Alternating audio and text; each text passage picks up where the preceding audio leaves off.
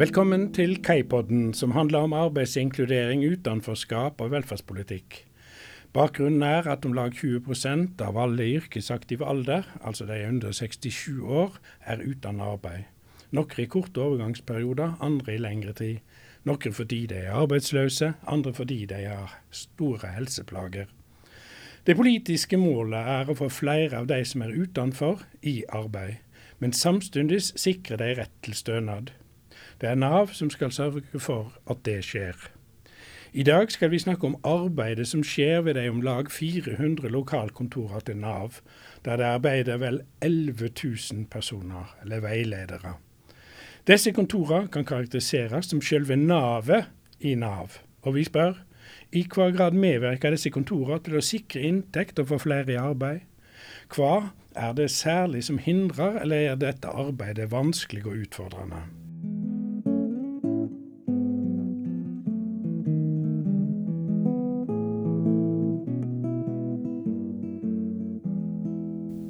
Med meg i studio har jeg Knut Fossestøl, forskningsleder ved Arbeidsforskningsinstituttet.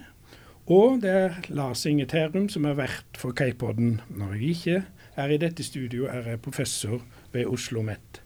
Velkommen, Knut. Takk.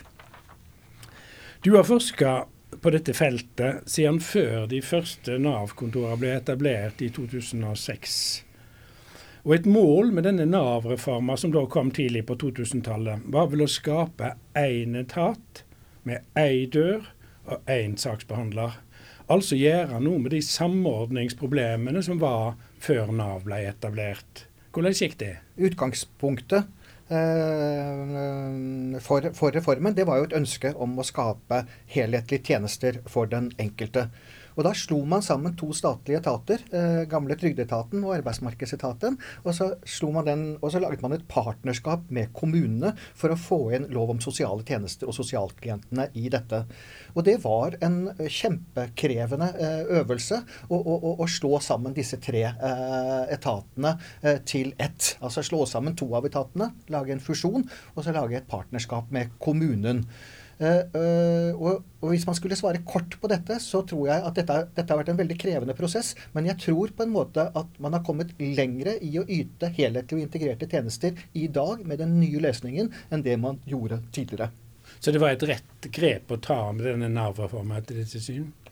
Jeg uh, tror det. Og så er det på en måte vanskelig å tenke uh, kontrafaktisk. Altså, uh, Dette var, det var liksom, denne løsningen var den som var politisk mulig i Stortinget. Og nå har vi holdt på med den siden 2006. Og, og, så på en måte har dette gått seg til. Man har, man, man har liksom funnet pragmatiske, praktiske løsninger på en del av disse utfordringene. Og da er det Og prisen ved å skulle liksom redesigne denne etaten nå, den tror jeg er veldig, veldig stor. Så jeg, jeg på en måte da blir, det, blir, jeg konservativ, egentlig. At man må på en måte bygge på det man har, og, og forsøke å videreutvikle det eh, videre. Men ble det også ei dør til Nav? Nei, det kan man jo egentlig ikke si at, at, at, det ble. Altså For det første så ble jo hele inntektssikringen flyttet ut av Nav i form av sånne spesialiserte forvaltningsenheter. Så da ble det jo plutselig flere dører. Og, og, og, og lenge så var det jo også sånn at man på kontorene heller ikke klarte å få til én dør, for det på en måte brukerne ble delt. de trakk et altså I samme øyeblikk de kom inn den ene døren, så var det tre køsystemer. Ett til Trygdeetaten, én til Sosialetaten og én til liksom den gamle Arbeidsmarkedsetaten. Men så i, eh, etter hvert eh, så har nok utviklingen gått i retning av at det da faktisk eh, i større grad er én dør. Altså slik at brukerne behandles mer helhetlig ute på kontorene nå enn de gjorde tidligere. Akkurat. Um som du skisserer, så har jo Nav mange mål de skal ta i vare. Og vi snakker ofte at de har et komplekst samfunnsmandat, vi samfunnsforskere. Og I projekt med dette så har jo da Nav også møtt mye kritikk, for det kom kritikk fra mange kanter. Og det har vært nedsatt en mengde offentlige utvalg som har vært i sving for å utrede ulike sider ved Nav. Og I 2016 så kom det ei stortingsmelding som ble kalt 'Nav i en ny tid', for arbeid og aktivitet. Og Denne meldinga den varsler et et retningsskifte. Og du Knut, du har leia arbeid med å evaluere hva som skjedde ved lokalkontorene etterpå. Og Det er det som er utgangspunktet for samtalen vår i dag. Mm. Og La oss nå tenke at du skal snakke til to lyttere. Den ene lytteren det er naboen min, som er en samfunnsinteressert person. Og det andre er de som arbeider i Nav. Om du nå skal svare på spørsmålet mitt om dette retningsskiftet kan du kort si slik at naboen min finner svaret tilfredsstillende om hva dette retningsskiftet innebærer? Altså jeg tror, For det første så tror jeg det, at retningsskiftet at det, om, at det handler om å, å, å, bruke mer tid til uh, arbeidsrettet oppfølging, og mindre tid så å si til uh, dokumentasjonsarbeid og til inntektssikringsarbeid. Slik at oppfølgingsressursene uh, så å si i Nav blir brukt liksom, mot brukerne og mot arbeidet. Eh, så det, var, det, tror jeg er ett viktig eh, aspekt ved det. Men det andre viktige aspektet det var nok at den måten spesielt staten styrte sant, den statlige delen av Nav-kontorene på, og hvor man holdt på med veldig ganske sterk sånn mål- og aktivitetsstyring, og som egentlig da Hvor det var mål som var vedtatt i Stortinget, som skulle da på en måte iverksettes ute på lokalkontorene. Og så ble lokalkontorene fulgt veldig tett opp på dette. Man snakket om å skape myndige av kontor. Hva var det som lå i det? Nei, da er, vel, da er, det vel, akkurat det at det ikke er denne aktivitetsstyringen som skal på en måte dominere arbeidet ute på kontorene, men det er på en måte refleksjonen rundt det lokale arbeidsmarkedet, brukernes situasjon, altså, som, som, som skal ligge til grunn for de grepene og den måten de bruker ressursene på ute. Så istedenfor liksom å konkurrere om å være best i klassen i forhold til liksom aktivitetsstyringen, så gjaldt det på en måte å utvikle lokalt tilpassede løsninger basert på hva som var det beste for den enkelte bruker i forhold til å komme ut i arbeid. Det, så det betyr at lokalkontorene fikk en mer selvstendig rolle? De kunne finne fram til lokale løsninger i større grad? Det, det, som, det, var det som var eh, meningen med hele denne reformen. Så du kan si at det er en slags form for sånn tillitsstyring da, eh, som de forsøker å utvikle, og som, eh, og, og som da hvor de lokale behovene skulle spille en større rolle enn tidligere. og, og dette har eh, i noen grad skjedd også. Så, da, eh, så, så De har såkalte styringsdialogsamtaler. Og de har også samtaler i partnerskapene som handler om eierstyringen av kontorene. Og, eh, mens, men også, også, tidligere så lå da denne aktivitetsstyringen eh, til grunn for disse samtalene. Mens nå lager man i større grad lokale virksomhetsplaner eh, bas, basert på eh, lokale behov. Og så er det på en måte måloppnåelsen i forhold til de lokale planene som diskuteres i, i styringsdialogen. Og så skal liksom de sentrale myndighetene støtte opp under lokale prosesser, istedenfor at de liksom sier at sånn skal dere gjøre det her. Det er det som er tanken. Ligger det i det du ser at dette retningsskiftet skjedde? At det skjedde et retningsskifte i, i, i Har skjedd et retningsskifte de siste tre-fire årene? Uh, ja, jeg vil absolutt si at det er skjedd et uh, retningsskifte.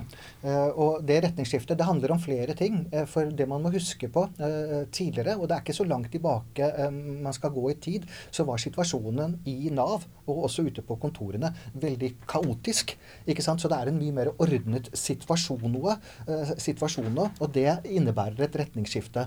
Men så er det nok også slik at det, er, det har skjedd en endring i styringen, og dette partnerskapet er nok noe også mer vitalt enn det har vært tidligere. Partnerskapet, kan du si litt hva er partnerskapet? Ja, Det partnerskapet, det er denne. Det er dette. Uh, ja, det er en nykonstruksjon, en forvaltningsmessig nykonstruksjon i Norge, dette partnerskapet. Og som handler om at på alle Nav-kontor så, så, består det så, så, så de, har de to eiere. Det ene er kommunen som eh, eier, og det andre er staten som eier. Og så har disse undertegnet så å si en partnerskapsavtale som regulerer samarbeidet mellom eh, dem. Og Det betyr at på ethvert eneste Nav-kontor så vil halvparten av de ansatte sånn cirka, de vil være ansatt i kommunen, og kommunen som arbeidsgiver, mens den andre halvdelen vil ha staten som arbeidsgiver. Dette skal vi komme tilbake til å snakke mer om, om, om, om senere. Men, men, oppsummert så ser du at det har sett et, eh, et retningsskifte. Um, men, men, hvis jeg ser på rapporten, så skriver dere at evalueringen viser at det har skjedd et retningsskifte i Nav som kan føres tilbake til stortingsmelding 33. Og så skriver det like etterpå. Samstundes, om jeg da har lest rett, samstundes har retningsskiftet, eller det kommer ikke til uttrykk i veilederne sin opplevde arbeidshverdag. Hvordan henger disse to tingene sammen? Nei, det er jo akkurat det. at Det henger ikke så godt sammen. så, så, så, så, det er på en måte at dette, vi kan se dette retningsskiftet. At det ser vi tydelig når vi snakker egentlig på, med ledernivået eh, på kontoret. Men skal, liksom, det skal, retning, skal, det skje et retningsskifte på veiledernivå, så må jo de oppleve at deres arbeidssituasjon er endret i forhold til tidligere, og at de kan opptre mer myndig, følge opp brukerne tettere enn det de gjorde før. Og i noen grad grad så opplever de at dette faktisk skjer også, men i veldig begrenset uh, grad. Så det er på en måte som om dette retningsskiftet da uh, liksom har stoppet uh, på, på, ledernivået, og ikke da fullt ut har vært i stand til liksom å endre veiledernes situasjon på noen fundamental måte. Det skriver også i denne rapporten at retningsskiftet har bidratt til å frigjøre tid og ressurser til brukeroppfølging Likevel opplever veilederne at de har mindre tid til brukerretta oppfølgingsvirksomhet. Mm. Det er også et, et paradoks. Ja, og jeg tror, nok, eh, eh, jeg tror nok at veldig mye av dette eh, handler Uh, altså det, om, det, er, det, det, er, flere årsaker til dette, men noe av dette handler nok om denne digitaliseringen. ikke sant? At man tenker at uh, dette å digitalisere tjenestene, at det skal utløse gevinster som, Hva vil det si å digitalisere tjenester? Ja, Det betyr jo egentlig ikke sant, at, um, at um, veilederne de um, bruker da saksbehandlingsverktøy som er da på en måte digitale, men også i økende grad ikke sant, at kontakten mot brukerne skjer digitalt, eh, og, og, og hvor også veilederne til dels chatter direkte med brukerne gjennom et nytt uh, system som er utviklet, som kalles Modia. Og dette er en veldig egentlig gjennomgripende forandring. Og mens det tidligere ikke sant, så var det saksbehandlingen som var, ble digitalisert, men nå er det også brukermøtene. Eh, og også den interne egentlig, kommunikasjonen mellom veilederen i Nav er også digitalisert. Så digitaliseringen gjennomsyrer alle uh, aspekter ved, ved, ved, ved veiledernes uh, arbeid nå. Men Gjør dette veilederne mer myndige og løsningsorienterte? Bidrar denne digitaliseringen til at de blir mer myndige og løsningsorienterte, sånn som de skriver. Nei, men det, jo, det, men det ligger liksom potensialer i denne teknologien. Og det er det som gjør at den er så forførende, eh, denne troen på digitaliseringen. Fordi den inneholder så mange løfter om at man kan jobbe mer effektivt, mer myndig og disse tingene. Men så viser det seg at denne, eh, at denne teknologien også skaper sine nye, eh, skaper nye problemer. Nye former for merarbeid, nye former for koordineringsproblemstillinger. Og som da er egentlig såpass pregende for veiledernes hverdag at de egentlig ikke får løftet blikket og, og, og jobbet arbeidsrettet, og, og, egentlig opplever seg selv som myndige. Fordi de blir så å si slaver av, dette, uh, av de kravene som disse digitale systemene uh, stiller til dem, og som de så å si aldri er helt på høyde med. De, uh, og det skjer endringer kontinuerlig i disse systemene også, som det er veldig krevende for veilederne å følge med på. Hvordan er det? Tror du brukerne har opplevd et retningsskifte? Altså, er det slik at uh, det som møter brukerne, er annerledes enn det det var tidligere? Eh, det tror jeg på veldig mange måter. For det, for det, for det første så er det jo slik at um, når man startet denne Nav-reformen, så hadde man disse mottakene. Det var det skulle være denne, det var den endørspolitikken. Så alle brukere skulle komme til kontoret og kunne møte på en måte veilederne uh, fysisk og ansikt til ansikt og få en sånn helhetlig oppfølging. Nå skjer dette via kontaktsentre eller digitalt. Eh, og så er det da f.eks. denne Modia, hvor du kan chatte med din egen veileder. For brukere som er digitale, og, og som på en måte um, er i stand til å bruke uh, denne kanalen, uh, de gjør det, og jeg tror de opplever det som en fantastisk tilgang til veilederne deres. Uh, men så er det mange som rett og slett ikke klarer å bruke dette, eller som ikke gjør det av ulike årsaker. Og for dem så tror jeg at de vil oppleve at det er rett og slett at det er vanskeligere vanskeligere å få kontakt og få den bistanden som de trenger eh, fra eh, Nav. Er denne digitaliseringen er det først og fremst en utfordring for brukerne, eller er like mye en utfordring for de som jobber ved Nav-kontorene?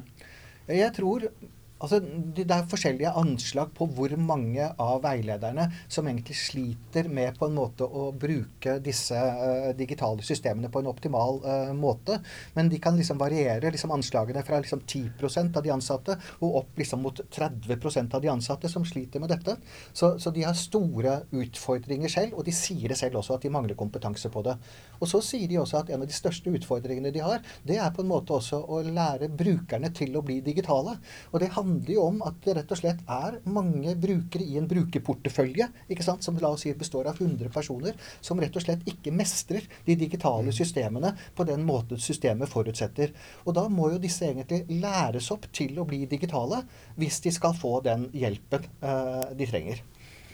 Så dette er uh, Jeg tror at dette er en av de virkelig store utfordringene Eh, for, for, eh, Nav. Noe av det mest spennende skjer i forhold til dette området, men noe av det mest utfordrende også som de holder på med.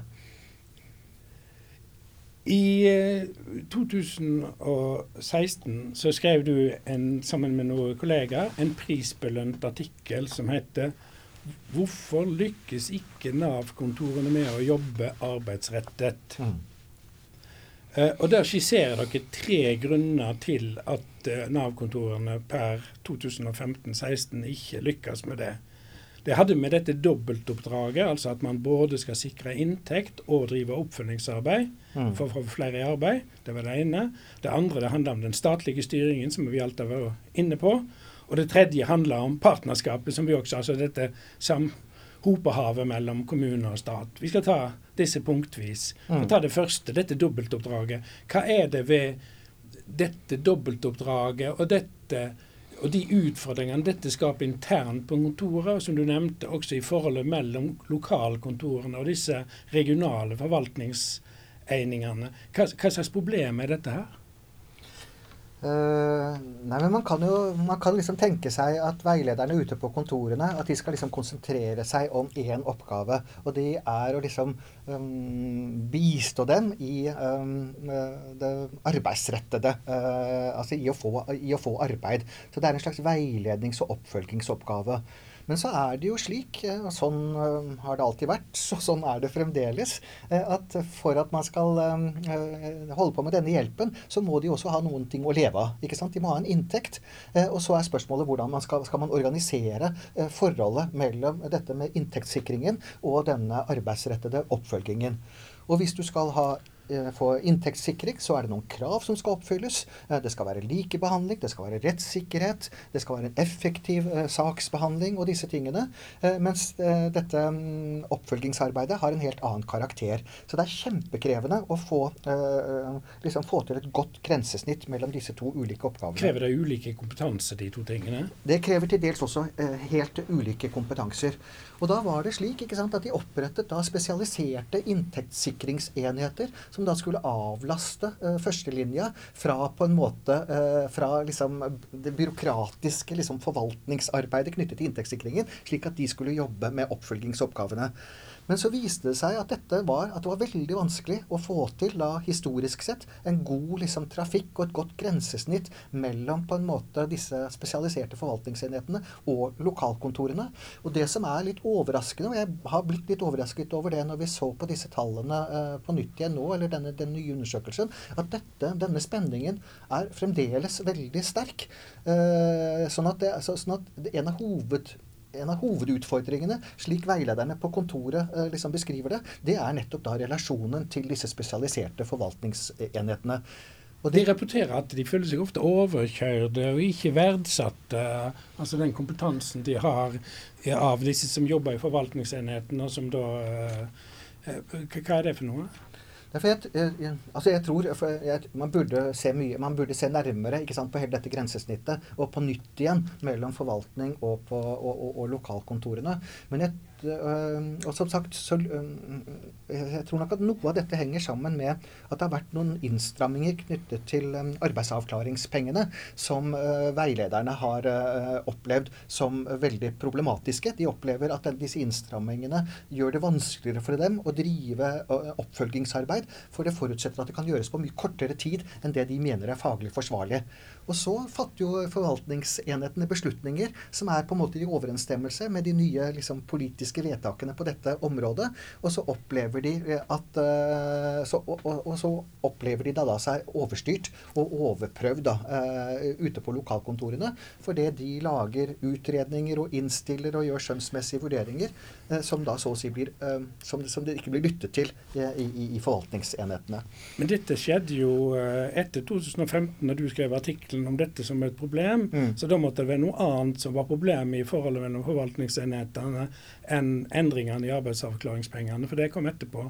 Så, så, det må være et mer allment problem knytta til dette enn uh, dette lokale Ja, nei, ut, jeg, Når jeg snakker om arbeidsavklaringspengene, så bare snakker jeg om at um, um, Grunnen til at jeg nevner det nå, det er fordi på en måte denne relasjonen mellom førstelinja og forvaltningsenhetene fremdeles da er uh, veldig spent. Og så tror jeg at det er, kanskje er foranlediget av, det, av, mm. av disse arbeidsavklaringspengene. Mm. Men, men man kunne jo bare ha tenkt seg etter hvert som at et sånt grensesnitt vil alltid være problematisk. Men når det får gått seg til, sant, så finner de ut av det. Og så finner de ut av omtrent sant, mm. hvordan de ulike eh, hvordan man skal se på de ulike ordningene, og hva som er lokalkontorets oppgaver, og hva som er forvaltningsenhetenes oppgaver. Det sleit man voldsomt med tidligere. Så skulle man tro at det gikk seg til over tid. Og det er liksom det som ikke ordentlig har skjedd, da. Eh, så, så, så det var et overraskende funn, egentlig. Men, men, men, men, kan det tenkes, Du sa at det er ulike kompetanser ute og går her. og Kan det være slik at, eh, at eh, den kritikken som kommer fra forvaltningseigningene, er berettiget? At de kan de rettslige og lovmessige sidene ved Nav bedre enn det de kan på lokalkontorene? Slik at, eh, slik at selv om de på lokalkontoret opplever det som overprøving og, og, og sånn, så, så, er det nødvendig overprøving. Ja, det, det, kan det altså det, det, kan egentlig ikke jeg med mine data altså si noen ting presist om. Men jeg er åpen for at det kan være på den måten, og at de egentlig da mangler ikke sant, den forvaltningskompetansen ute på lokalkontorene, og den kunnskapen også om innstrammingen i, i lover og regler eh, så, så, som vedtas, slik at de, at de, eh, at de sitter fast da, i praksiser som, som på en måte egentlig Eh, burde ha vært endret, men så mangler de kompetansen til å, å, å, å kunne uh, uh, følge det opp. Det andre punktet det skrev i artikkelen i 2016, det var at lokalkontorene har et problem med den statlige styringen. Har det endra seg? Er det, er det, du nevnte innledningsvis at dette med målstyring og, og tillitsstyring og, og, og, sånne ting, at, at det har skjedd endringer. Men kan du utdype det litt? Ja, da tror jeg, som sagt, da, da tror jeg at det er, at det er um, skjedd endringer. Og mye av dette handler om uh, um, redusert mål- og aktivitetsstyring og økt bruk av denne uh, altså lokalt baserte virksomhetsplaner som ligger til grunn for denne dialogen. Men jeg tror også at noe av, av denne endringen handler om at staten har um, utviklet en sånn større følsomhet altså for, for, kommunene eh, og for de kommunale behovene, og for viktig på en måte kommunen, den kommunale partneren er da, i dette eierskapet. Sånn at de så å si er blitt mer responsive og mer følsomme i forhold til dette, dette nivået. Og det gjør det mulig å få til et samarbeid ute som man kanskje ikke da lykkes med på samme måte tidligere, og hvor kommunen i stor grad følte seg overkjørt, eh, og kommunalt ansatte følte seg overkjørt av liksom statlige resultat- og aktivitetsmål. Ja, og Dette partnerskapet, som var det tredje punktet som vi skal snakke om, det, det innebærer altså at lokalkontorene i Nav, som du sa, omtrent halvparten av de tilsatte der, de er kommunalt tilsatte, og andre halvparten er statlig tilsatte. Det innebærer at de har ulike lønns- og avtaler knytta til det, arbeidsvilkår. De har ulike ytelser og tjenester som de i utgangspunktet har ansvar for. De har ulike styringslinjer, de har ulike finansieringskilder, de har ulike datasystemer, og de representerer ulike kulturer. Mm. Uh, er, altså I hva grad du altså, har de, Håndterer de disse utfordringene bedre nå enn de gjorde før 2015-16? Altså, Våre data tyder jo på at, man, at, de håndterer det bedre på den måten at, Eh, kontorene er mye mer integrert nå. altså Det betyr at kommunalt eh, ansatte og statlig ansatte jobber både i team, og så jobber de mye mer på hverandres oppgaveområder enn tidligere. Sånn at kontoret slikt sett er blitt mer sånn helhetlig og integrert. Men uh, jeg tror liksom for ledelsens ståsted, og når det oppstår konflikter eh, på et kontor, så vil disse forskjellene i lønns- og personalvilkår og, og, disse tingene, da vil det alltid kunne aktiviseres. Uh, og for ledelsen så er det et veldig stort administrativt merarbeid knyttet til å forvalte disse ulike systemene. Og jeg tror liksom at det er den enkeltfaktoren de selv opplever som, som, som mest frust, som, tids, som, som, den store tidstyven. Det er å forvalte disse ulike ulike tariffsystemene, de ulike lønns- og, og avtalesystemene som de holder på med. Er staten og kommunen likeverdige i det partnerskapet? Oppleves de som likeverdige av begge parter? Ehm, jeg, jeg, tror nok at en, en leder på et Nav-kontor altså, opplever dette som mye mer likeverdig enn det ordførere og rådmenn i kommunene gjør. For der er det slik at, at de sier egentlig at dette samarbeidet ikke er likeverdig. Eh, og de, de mener til og med at det er blitt mindre likeverdig nå enn det har vært eh, tidligere. Men det som er så interessant akkurat når det gjelder partnerskapet, det er jo at disse ordførerne og rådmennene samtidig er så veldig godt uh, fornøyd med måloppnåelsen til lokalkontorene, og også til hvordan de, for, de forvalter lov om sosiale tjenester. Så her er det på en eller annen måte et paradoks.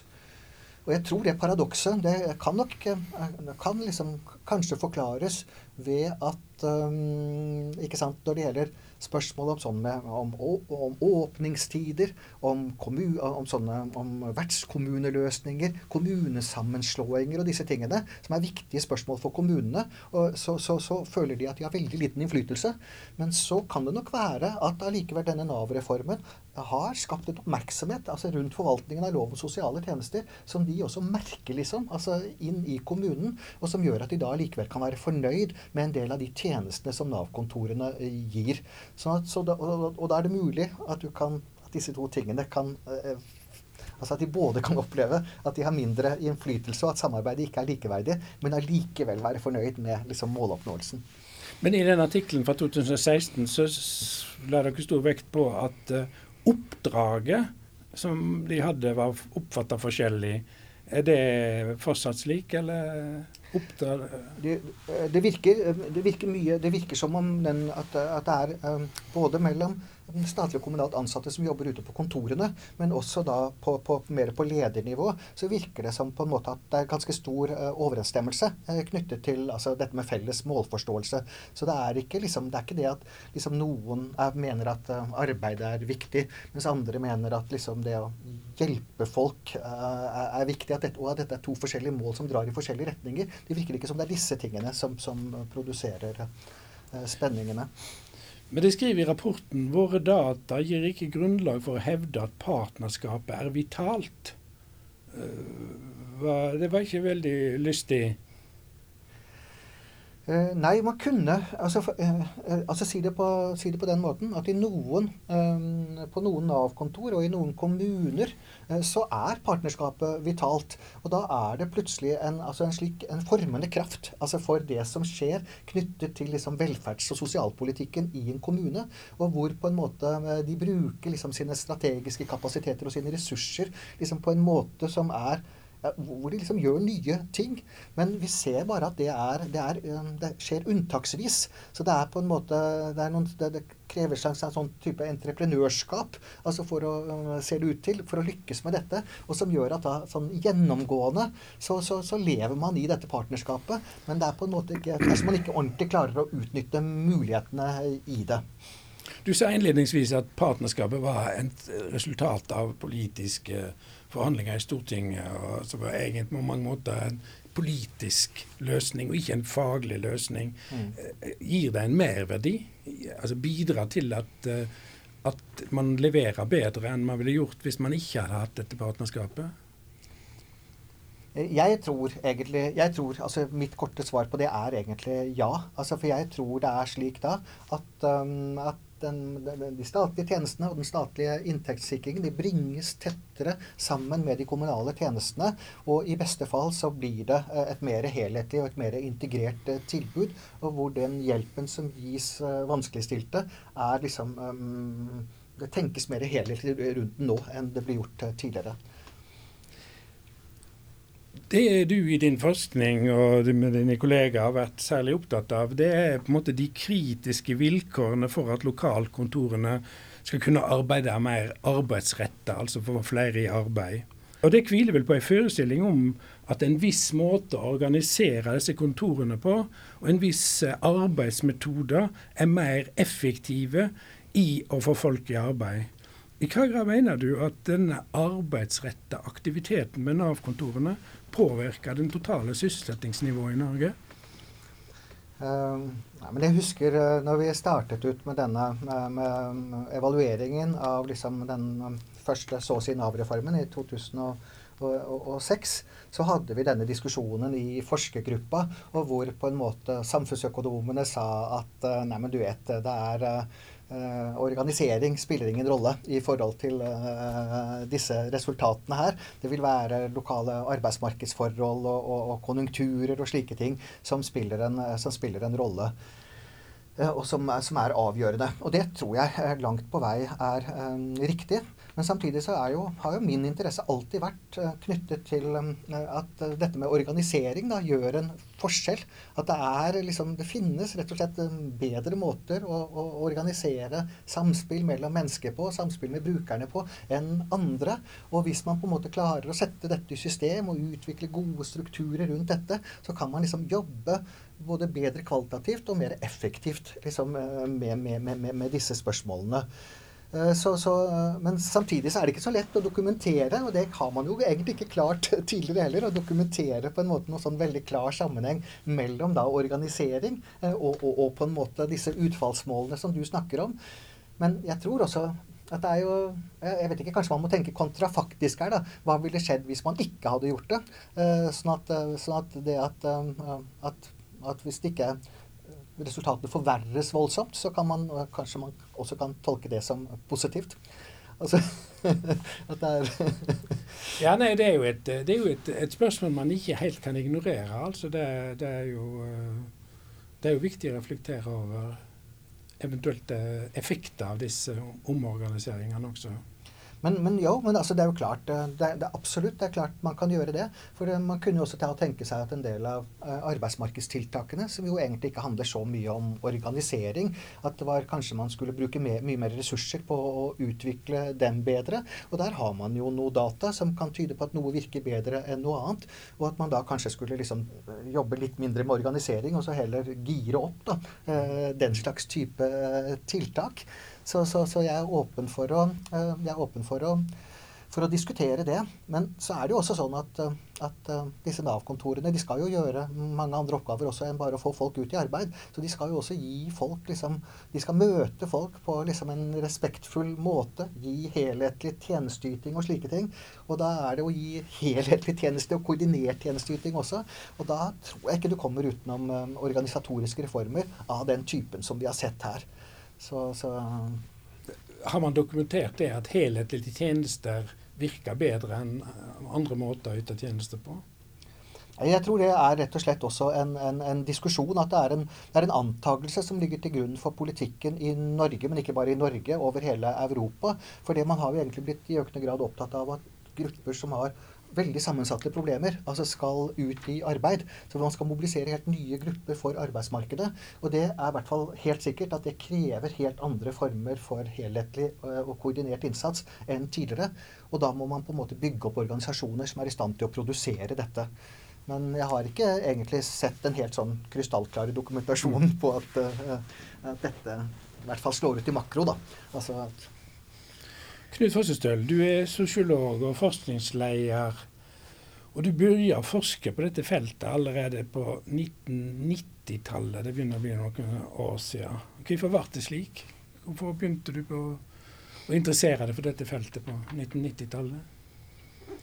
Eh, nei, men jeg tror at det var Jeg tror det er denne Jeg tror egentlig at det er denne, eh, både denne, en sånn interesse eh, for, for, liksom, for enkeltindivider, altså å få møte mellom enkeltindivider, og egentlig troen på at det er mulig å organisere disse møtene på måter som kan gjøre en forskjell. Da. En forskjell i folks liv.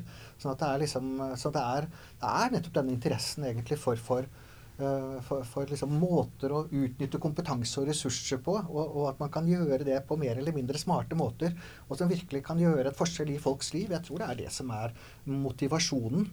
Og at det er uh, så morsomt også, egentlig, altså, og viktig å se tingene nedenifra. Altså se tingene ut ifra lokalkontorenes uh, situasjon, fra veiledernes situasjon, fra brukernes situasjon. Og så på en måte bygge opp sitt syn på verden gjennom kunnskap om dette, og så, så å si ikke starte i de høyere sfærer og i politikken, og så på en måte uh, liksom glemme kanskje lett da, det som, det som foregår ute uh, på, på, på, i de konkrete ansikt-til-ansikt-møtene. Men, men hører det rett at de tematiske brillene du har på deg, er liksom det, det, det blikket for det organisatoriske og betydningen av arbeidsorganisasjoner? Er det, er det rett? Ja, det tror jeg må jeg tror, altså, ja, jeg, jeg tror, det er riktig, og at det er dette med, med, med møtet egentlig mellom mennesker. da, Og som da ofte, i hvert fall innenfor disse sammenhengene, skjer i en veldig organisator, altså en, en organisatorisk sammenheng. Så ligger det i det at du, eh, hvis vi drar et analytisk skille om at du gjennom din forskning ønsker å påvirke den statlige politikken, eller ønsker å påvirke praksisen ved kontorene, så er det det siste du er mest interessert i, eller? Uh, ja, altså jeg, jeg, tror nok at det er eh, det siste jeg genuint sett er mest interessert i. Men jeg tror også at skal man på en måte lykkes med å få til en god, god lokal organisering, så må man også være da opptatt av organisering på et, et politisk eh, nivå. Uh, og, og, da er det jo interessant at da har det skjedd et skifte fra, fra kanskje, jeg lurer på det, litt mer sånn New Public Management-styrte idealer til noe som handler litt mer om tillit og dialog. Og det er egentlig det dette retningsskiftet som vi har evaluert, da, og som kommer til uttrykk i denne stortingsmelding 33, er et uttrykk for. Så, så alt er ikke bare nyliberalisme. Om du vil lese rapporten som er utgangspunktet for denne samtalen, så heter den 'Nav i en ny tid', med et spørsmålstegn bak. Og den kan lastes ned på nettsida til Arbeidsforskningsinstituttet. Takk for samtalen, Knut Fosse Støl, forskningsleder ved Arbeidsforskningsinstituttet ved Oslo OsloMet. Mm.